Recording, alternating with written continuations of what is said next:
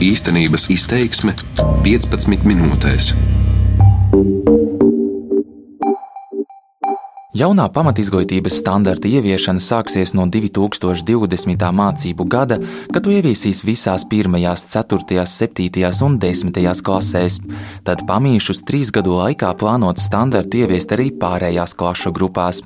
Šis ir jau otrais mācību gads, kad simts skolas visā Latvijā piedalās jaunā izglītības standarta aprobācijā, jeb izmēģina, kā mācību process turpmāk notiks visās izglītības iestādēs. Skolām ir savi uzdevumi, kas jāizpild un par to, kā ar tiem veicas, atskaits jāiesniedz standarta ieviesējiem. Tieši šīs ir tās skolas, kuras šobrīd vislabāk iepazinušas jauno izglītības standartu, tomēr arī tām joprojām par to, kā izglītība izskatīsies nākotnē, ir daudz neskaidrību. Mani sauc Rudolfs Krieviņš, un es devos uz divām Bauskas novada skolām - Codes pamatskolu un Bauskas otro vidusskolu, lai saprastu, kā jaunais standarts darbojas dzīvē un kādi ir secinājumi tām skolām, kas pēc tā jau māca.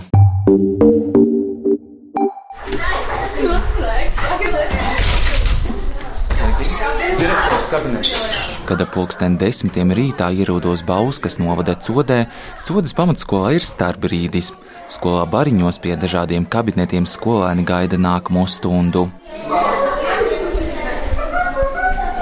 Codas pamatskolā mācās 122 bērni gan no Codas pagasta un tā apkārtnes, gan Bauskas, kas ir tikai 7 km attālumā. Par pilotu skolu Codas pamatskolu vēlējusies kļūt, jo gribēja izmēģināt kaut ko jaunu, stāsta pamatskolas direktore Laila Jurcika. Viss, viss kārtībā. Un tā jau otro mācību gadu Codas pamatskola ir viena no simts skolām Latvijā, kurā jauno izglītības standartu izmēģina jau reālos mācību apstākļos. Pērn Codas pamatskolā izmēģināja jauno mācīšanās procesu. Kā savādāk strādāt, kā mainīt metodes, kā mainīt mācību līdzekļus, lai šo mācīšanās procesu skolēniem padarītu saistošāku, interesantāku, vieglāk apgūstamāku, lai skolēns ierauga šīs sakarības, Tieši tas arī ir viens no jaunā izglītības standarta būtiskākajiem uzsvariem - sasaistīt mācību priekšmetus savā starpā un mācību procesu pārveidot tā, lai mūsdienu jauniešiem tas šķistu saistošs. Tā piemēram, Codes pamatskolā apvienots sports un mūzika. Sākumskolas bērni vingroja dziedot, stāsta pamatskolas sporta skolotāja Linda Jakutāviča. Un tad mēs apvienojām sasveicināšanos ar dziedāšanu, un tad bija kustības dziedot. Un viņi dziedot, atdarināja dziesmas kustības, kas tajā dziesmā Mhm. bija. E, Tajā brīdī tā bija seši mazi bundzinieki, kur gan bija skaitļi, gan bija kustības, gan ritms. Un tad bija vēl uzdevumi, bet bērniem patīk. Plānā ir arī apvienot sportu un matemātiku. Tur bērni skries, tad rēķinās, cik ātri skrējuši, kādu attālumu veica noteiktā laikā. Nav tā, ka geogrāfija māca un, un citiem priekšmetiem nepieskarās. Kā stāsta Codas pamatskolas geogrāfijas skolotājs Sigita Cikota, skola apvieno arī valodu stundas un geogrāfiju. Viņi varēja meklēt informāciju gan latviešu valodā, gan angļu valodā, gan krievu valodā, un tad bija jāprezentē šī valsts. Tad, tad angļu valodā viņi prezentēja angļu valodā, un, un, un, un krievu valodā, kur bija dota jau kaut cita valsts, tur viņi prezentēja atkal krievu valodā. Pēc pirmā izmēģinājuma gada skolas direktore Laila Jurcika secinājusi, ka bērniem šāda mācību priekšmetu sapludināšana patīk. Bērniem, ja mēs šādi sapludinām, viņiem ļoti patīk. Ļoti tas ir kaut kas interesants, savādāks. Citādāks. Tas ir kaut kas jauns, atšķirīgs no sēdēšanas skolas solos. Tomēr viņi ir pārliecināti, ka visu mācību procesu tā organizēt nevarēs. Tās var būt tikai atsevišķas tēmas vai mācību stundas. Nu, tāds piemērs mums ļoti aktīvi skolotāji strādā ar interaktīvo tāfeli. Viņas mācot bērniem reizrēķinu, pat sagatavojas tādu materiālu, kur nu, ir piemērs, pieņemsim, 4,6. Nu, tev jāpievelk 24, ja tu pievelc 22, tad tev puķis spļauj uguni, ja tev pievelc 24, tad tur bruņinieks ar zobenu ir izcīnījis uzvaru. Un sākumskolas bērni labprāt iet pie tāfeles un interaktīvo spēli izmanto. Tomēr skolotāja secinājusi, ka vislabāk reizrēķinu tik un tā zina tas, kurš to ir papildus mājās mācījies pats. Tas var būt kā tāds palīga līdzeklis, kā atkārtošanas materiāls, bet nevis veids, kā iemācīties reizrēķinu. Un ir vēl vairākas tādas lietas, kur ir vienkārši tu nevari ne darba grupā to mācīties, ne, ne kaut kā savādāk. Tev ir vienkārši jāsēž un jāstrādā. Skolai pēc pirmā aprobācijas gada radušies vairāki secinājumi ka nekas tāds kardināli nemainās. Un nekas ļoti jauns no tā, kā jau tagad skola strādā, jaunais standarts nemaz nebūs. Codas pamatskolas direktori uzskata, ka drīzāk tās ir piemirstas lietas, kuras atkal atgriežas. Tāpat standartā ir mācību metodes, kas jau tagad tiek īstenotas, bet jaunais standarts tās nosaucis modernāk. Protams, jaunums būs drāma, jaunums būs e, šī datorika no pirmās klases, jaunums būs dizains, kurš ļoti zināmā mērā aizstās šobrīd maiturību, tātad šīs tehnoloģijas. Bet, lai teiktu, ka tā ļoti liels pārmaiņas šis jaunais standarts ieviesīs, nē. Tāpat sodas pamatskolās secināts, ka pilnībā aiziet no tā, ka pedagogs būs tikai procesa vadītājs. Mēs nevarēsim. Bet jaunais standarts nosaka, ka bērnam pašam jāļauj nonākt pie secinājuma, un skolotājs nevis pasaka priekšā, bet virza bērnu uz pareizajām atbildēm. Vienalga būs bērni, kuriem būs jāpalīdz un jāparāda tas ceļš un tas pareizais virziens, un arī varbūt tas gala rezultāts. Vēl jau vairāk tāpēc, ka mūsu skolā ir divas iekļaujošās eh, speciālās izglītības programmas, un šiem bērniem noteikti būs vajadzīgs atbalsts. Pēc jaunā standarta ieviešanas izmaiņas būs skolēnu stundu sarakstā un plaši tas skars tieši pamatskolēnus.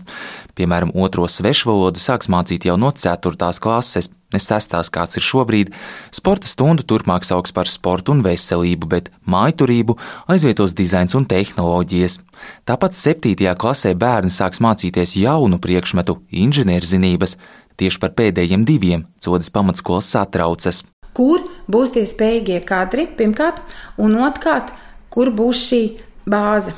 Jo, nu, ja es paskatos un pieņemsim mājturībā, tad dizains un tehnoloģijas ir jāmāca strādāt ar programmējumām šūju mašīnām. Kur būs tās programmējumās šūju mašīnas? Cik reāli viņas būs pirkt, pieņemsim lauku skolai, kur varbūt ir 11, 12, nu 15 skolēni. Tātad nelielā codas pamatskola no jaunā standarta saredz ieguvumus, bet daudzas lietas ir nesaprotamas vai jau tiek darītas šobrīd. Jaunais standarts no pedagogiem prasa daudz ilgāku gatavošanos mācību stundām. Pedagogiem būs papildu darbs, bet papildu nauda tam atvēlēta nav.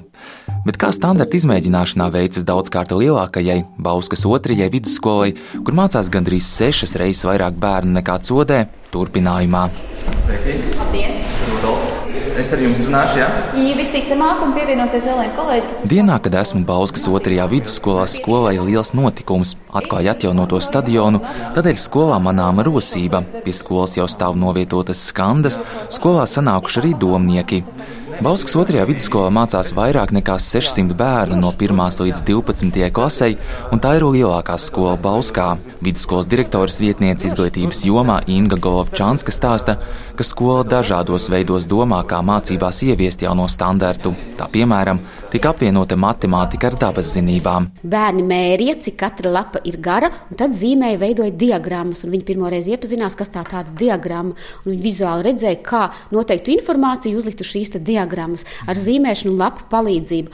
Un tā kā mūsu ieviešana ir domāšana un radošums, ko tad darīt tālāk ar tām lapām, iz, izmērījām un viss, tad bērniem tika piedāvāts tāds radošs uzdevums izdomāt, ko darīt ar lapām tālāk. Un tad bērni aplicēja, via virtenes klasi pušķoja.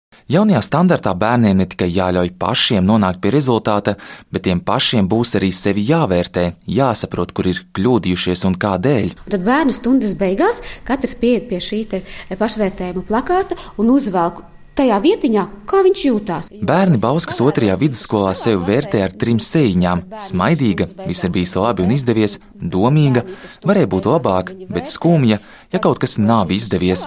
Govčāns saka, bērni vērtēšanu uztver nopietni un to dara godīgi. Un tad viņi savelk, un skolotājiem uzreiz ir ļoti pārskatām, un arī klasē redzams, kā tad mums tur šodien gāja.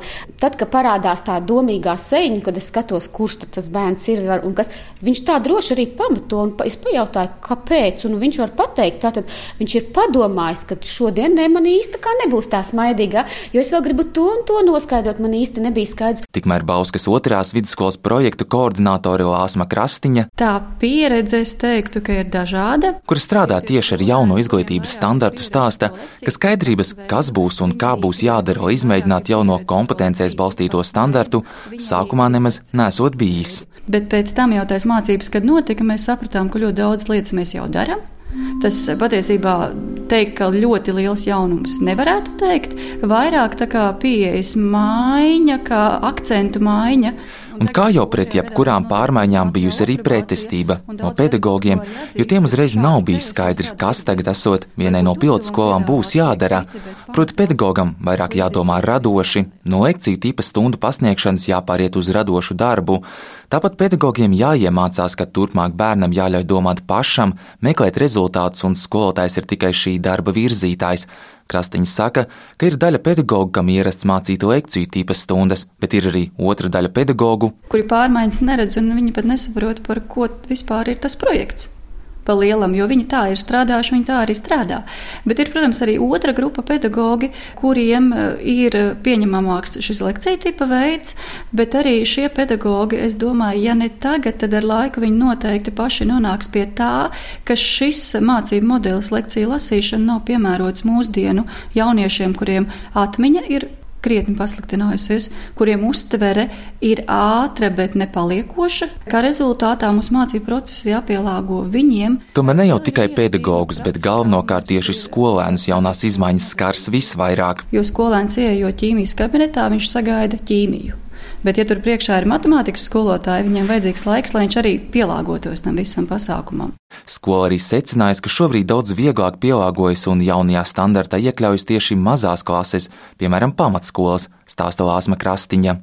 Bet vecākās klasēs joprojām ir bērni, kuriem labāk patīk lekciju tipu stundas, mazāk iesaistīties un būt aktīvam, bet vairāk klausīties. Tas nozīmē, ka viņiem tā pāreja uh, no lekciju tipu uz vairāk tādu darbošanos mācību stundā, un viņiem tā pārēja tāda grūtākai nekā tas ir sākuma skolā. Pirmā klase, kā ir sākus, tā viņa arī aizies, bet tas, kas ir aprobācija, ko piedāvā 1, 4, klase, 7 un 10 klase, tas tādas nedaudz bažas rada. Tāpat vidusskola secinājusi, jo jaunieci ir ar lielākām ambīcijām, jo lielāka ir viņam neizpratne, kāpēc mācību process mainās.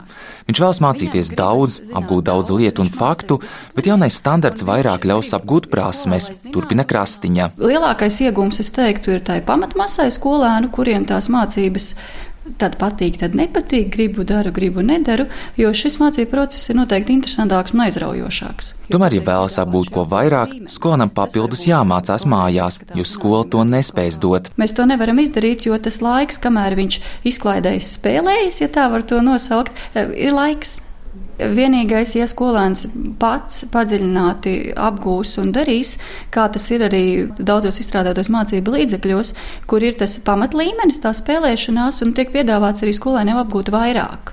Un to tik tiešām izmanto skolēni tie, kuri grib apgūt vairāk. Ja codas pamatskolas satraucas par to, kā spēs nodrošināt mācību spēkus inženierzinībās un kā spēs nodrošināt materiālo bāzi jaunajam priekšmetam, dizains un tehnoloģijas, Bauskas otrajai vidusskolai šobrīd jādomā par vidusskolas klasēm klasēm, kurās skolēni pēc jaunā standarta varēs izvēlēties kādus konkrētus mācību priekšmetus, apgūt padziļināti. Teiksim, ja izvēlās tur, nezinu, septiņus dažādus līmeņus, mēs nevaram stundu sarakstā sastādīt. Un tas nozīmēs, ka skolām būs nepieciešams specializēties. Tās var būt Krievijas skolas ar uzsvaru uz valodām vai eksaktiem zinībām. Jo tas vidusskolas posms tiešām ir interesants. Kā to visu varēs ieviest reālajā dzīvē, jo uz papīra jau viss ir skaisti kad es gribēšu tagad no to padziļinātāk. Bet tur atkal ir cits jautājums, vai tie bērni 9. klasi beidzot sapratīs, ko viņi grib padziļinātāk un ko viņi negrib padziļinātāk.